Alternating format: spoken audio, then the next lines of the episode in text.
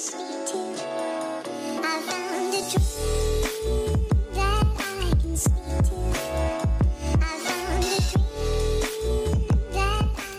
wat leuk dat je luistert naar de podcast vandaag.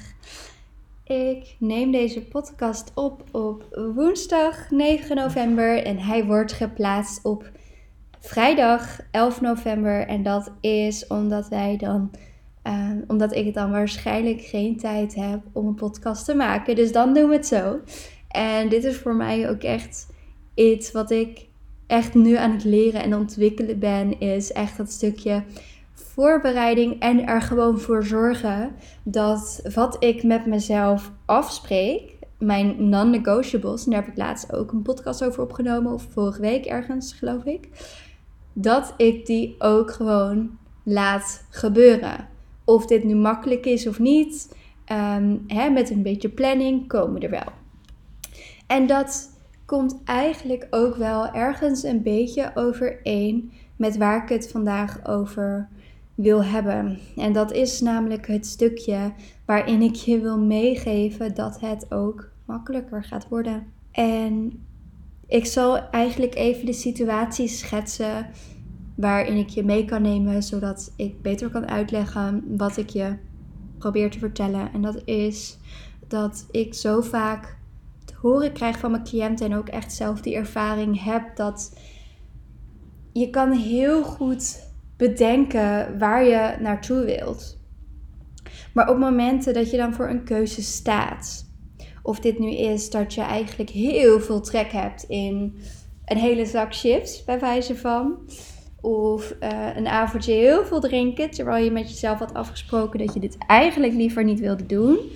Ehm, of juist dat je voor een keuze staat om wel wat te eten als jij merkt dat je moeite hebt met restrictief eetgedrag en angsten rondom eten, waardoor je eigenlijk dus liever niet zoveel eet. Als je voor zo'n keuze staat, dan is het belangrijk om te weten dat het sowieso aan het begin en misschien ook wel voor een langere tijd heel ongemakkelijk kan zijn. Het kan heel frustrerend zijn, het kan heel eng zijn, het kan heel ja, ongemakkelijk zijn gewoon. En daarbij wil ik je meegeven, het wordt makkelijker, het wordt beter. En op het moment dat jij dus iets voor jezelf hebt bedacht van hier wil ik naartoe, ik wil mijn relatie met voeding verbeteren en daarvoor is het nodig dat ik dus niet elke avond op de bank beland met een zak chips. Of ik wil mijn relatie met voeding uh, verbeteren. Dus is het voor mij belangrijk dat ik niet meer maaltijden of tussendoortjes ga overslaan. Maar op het moment dat je dan die keuze moet maken, en zeker een keuze die in jouw gewoonte zit in grains. Ik weet niet wat de Nederlandse vertaling daarvan is. Dan word je echt ten proeve gesteld dan is het echt aan jou om de keuze te maken, ook als het niet gemakkelijk is. Maar het zal niet altijd zo lastig blijven. Want elke keer dat jij de keuze maakt om met het ongemak te zitten, om iets te doen wat je eigenlijk normaal niet zou doen of niet zou willen doen, elke keer word je er weer beter in. En zeker als je het blijft herhalen, dan zal je merken dat dat gewoon weer een gewoonte wordt. En uiteindelijk gaat het om niet alleen maar, maar gaat het ook een stukje om hoe jouw brein is geprogrammeerd op dit moment. En gelukkig hebben wij een neuroplastisch brein, wat dus eigenlijk betekent dat ons brein constant nieuwe dingen leert. En dat iets wat jij hebt geleerd niet vast hoeft te staan. En dat jij je gedrag niet kan veranderen. Dat kan wel. Je kan zelfs ook anders leren denken. En dat is het geweldige van dit hele verhaal. En op het moment dat jij steeds minder luistert naar ja, de dingen die je normaal zou doen en de verleiding om dat te doen, hoe meer die verbinding in jouw brein kleiner wordt en uiteindelijk verdwijnt. En hoe meer jij het andere gedrag, jouw gewenste gedrag gaat doen, ondanks dat het misschien super ongemakkelijk kan zijn, met welke reden dan ook, uiteindelijk, als je dat blijft herhalen, dan zal dat weer een hele sterke verbinding worden, net als jouw ongewenste gewoontes, maar dan gewenst. En dan zal dat op de automatische piloot gaan en heeft het niet elke keer meer zoveel weerstand nodig. Dus dit is eigenlijk een podcast waarin ik jou zo graag dat duwtje in de goede richting wil geven. Waarin ik jou zo graag die liefdevolle schop onder je billen wil geven van als jij iets wilt voor jouw gezondheid, voor jouw gewenste leefstijl, ga er dan voor, ook als het ongemakkelijk is. En zie ook echt in dat de consequenties die vastzitten aan jouw ongewenste gedrag, of dit nu is ondereten of overeten of misschien wel iets heel anders, dat je eigenlijk niet eens indirect, maar direct de keuze maakt om daarmee te dealen. En wanneer je voor zo'n keuze staat, denk dan niet alleen aan de korte termijns pleasure die je eruit kunt halen. En dat kan natuurlijk zijn ehm, een stukje ontlopen van angst op het moment dat je last hebt van ondereten. Of juist ook wel het ontlopen van angst als het gaat om overeten. Omdat je misschien wel de angst hebt om met je frustratie te zijn. Om met je emoties te zijn. Wat je normaal gesproken zou wegeten. Maar ook ehm, het stukje dat je dan dus niet kiest voor alleen maar dat lekkere koekje. Of misschien wel dat hele pak koek. Maar dat je direct kiest voor het gevoel wat je daarna krijgt. Dat je misschien misselijk bent. ehm, of dat je uiteindelijk op de langere termijn misschien verschil ziet in, in je gewicht, wat je eigenlijk helemaal niet een fijn gevoel geeft. En daarmee zeg ik niet dat zwaarder zijn erg is, of dat aankomen erg is, of dat, je, dat je het altijd gezonder of beter is als je minder weegt. Daar gaat het helemaal niet om. Maar ik denk wel dat het goed is voor jezelf om stil te staan bij waarom doe ik dit en dient dit mij? En als jij een persoon bent die last hebt van overeten, dient het jou dan om dat te blijven doen omdat je niet met je frustratie wil zijn? Omdat het je te veel moeite kost om die frustratie aan te gaan, om dat ongemak aan te gaan. En dat je daarmee eigenlijk zit met iets wat misschien voor jou veel meer oncomfortabel is, namelijk de after credits of aftermath, om het maar zo te noemen. En hetzelfde geldt voor ondereten. Op het moment voelt het misschien fijn om gewoon eten te ontlopen, want het kan een verdovend gevoel geven om, jezelf, om constant te blijven ondereten.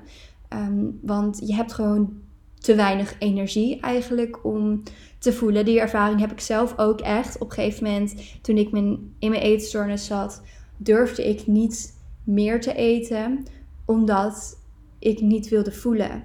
En daarmee wil ik ook zeggen, ik voelde dus ook al die blijdschap die ik kon hebben, veel minder. Ik werd gewoon verdoofd. En op het moment dat je dan weer normaal gaat eten en je voelt dan ook al die emoties die je niet wil hebben, dat is best eng. Maar dan maak je wel een keuze voor inderdaad die vermoeidheid, voor die slechte gezondheid. Misschien wel een, een uitblijvende menstruatie of wat dan ook voor jou het geval is waarom jij weet dat je beter kunt stoppen met overeten. Het is een directe keuze die jij maakt voor de consequenties van jouw gedrag. En ik wil dat je daarbij stilstaat volgende keer als jij voor een keuze staat. Je maakt niet alleen een keuze om nu iets anders te doen van wat, ja, van wat je normaal doet. Je maakt niet alleen een keuze van of nu ehm, een lekker koekje of nu niks. Nee, je maakt ook een keuze voor wat jij jouw lichaam geeft en alle gevolgen van dien. Hiermee wil ik je niet bang maken, want zoals in mijn vorige podcast of misschien twee podcasts geleden ook al werd gezegd, het betekent niet dat als jij een keer een koekje eet dat je gelijk aankomt. Dat is niet wat ik zeg. En het is ook niet dat ik zeg: je mag geen koekjes meer eten. Of je mag nooit meer chips eten. Of wat dan ook. Daar gaat het niet om. Maar het gaat erom dat als jij gedrag hebt. Wat jou niet dient. wat jij eigenlijk wilt veranderen. maar je doet het niet om welke reden dan ook. Of omdat je inderdaad niet met het ongemak wil zitten. Of omdat je jezelf laat controleren door je gedachten. of door de buitenwereld. of een combinatie daarvan dan wil, ik je aange- dan wil ik je vertellen dat het anders kan. En zoals je ook in mijn vorige podcast kon horen. En ook podcast eerder deze week, volgens mij podcast 78, 79. Ik weet het niet meer precies. Sorry. dat is zeg maar het ding als je zoveel podcast opneemt dat je niet meer precies weet welke, wat je nou hebt gezegd in welke podcast. Ehm, nou ja, goed, maar daarin kun je dus gewoon lekker veel van mijn podcast terugluisteren als je dat nog niet hebt gedaan. Maar daarin vertel ik ook meer over dit hele stuk. En dit wilde ik je meegeven vandaag. Voel alsjeblieft echt dat jij die kracht hebt. Voel alsjeblieft echt dat dat ongemak wat je nu ervaart zoveel minder belangrijk en zelfs significant is dan de consequenties van jouw gedrag en, dat, en de consequenties die het heeft op jouw relatie met jezelf en met voeding. Dus dank je wel weer voor het luisteren. Als je hier wat aan hebt gehad, laat het me dan alsjeblieft weten. En natuurlijk wil ik je ook nog vertellen over mijn e-book, de spoedcursus Stoppen met Overeten. En dat is dus, zoals je hoort, voor mensen die struggelen met overeten. Of dit nu echt gaat om eetbuien, emotie eten of gewoon meer de simpele dingen tussen haakjes. Zoals je bord leeg eten terwijl je al bij de helft vol zat. Of eten aannemen uit beleefdheid waar je eigenlijk mee zou willen stoppen.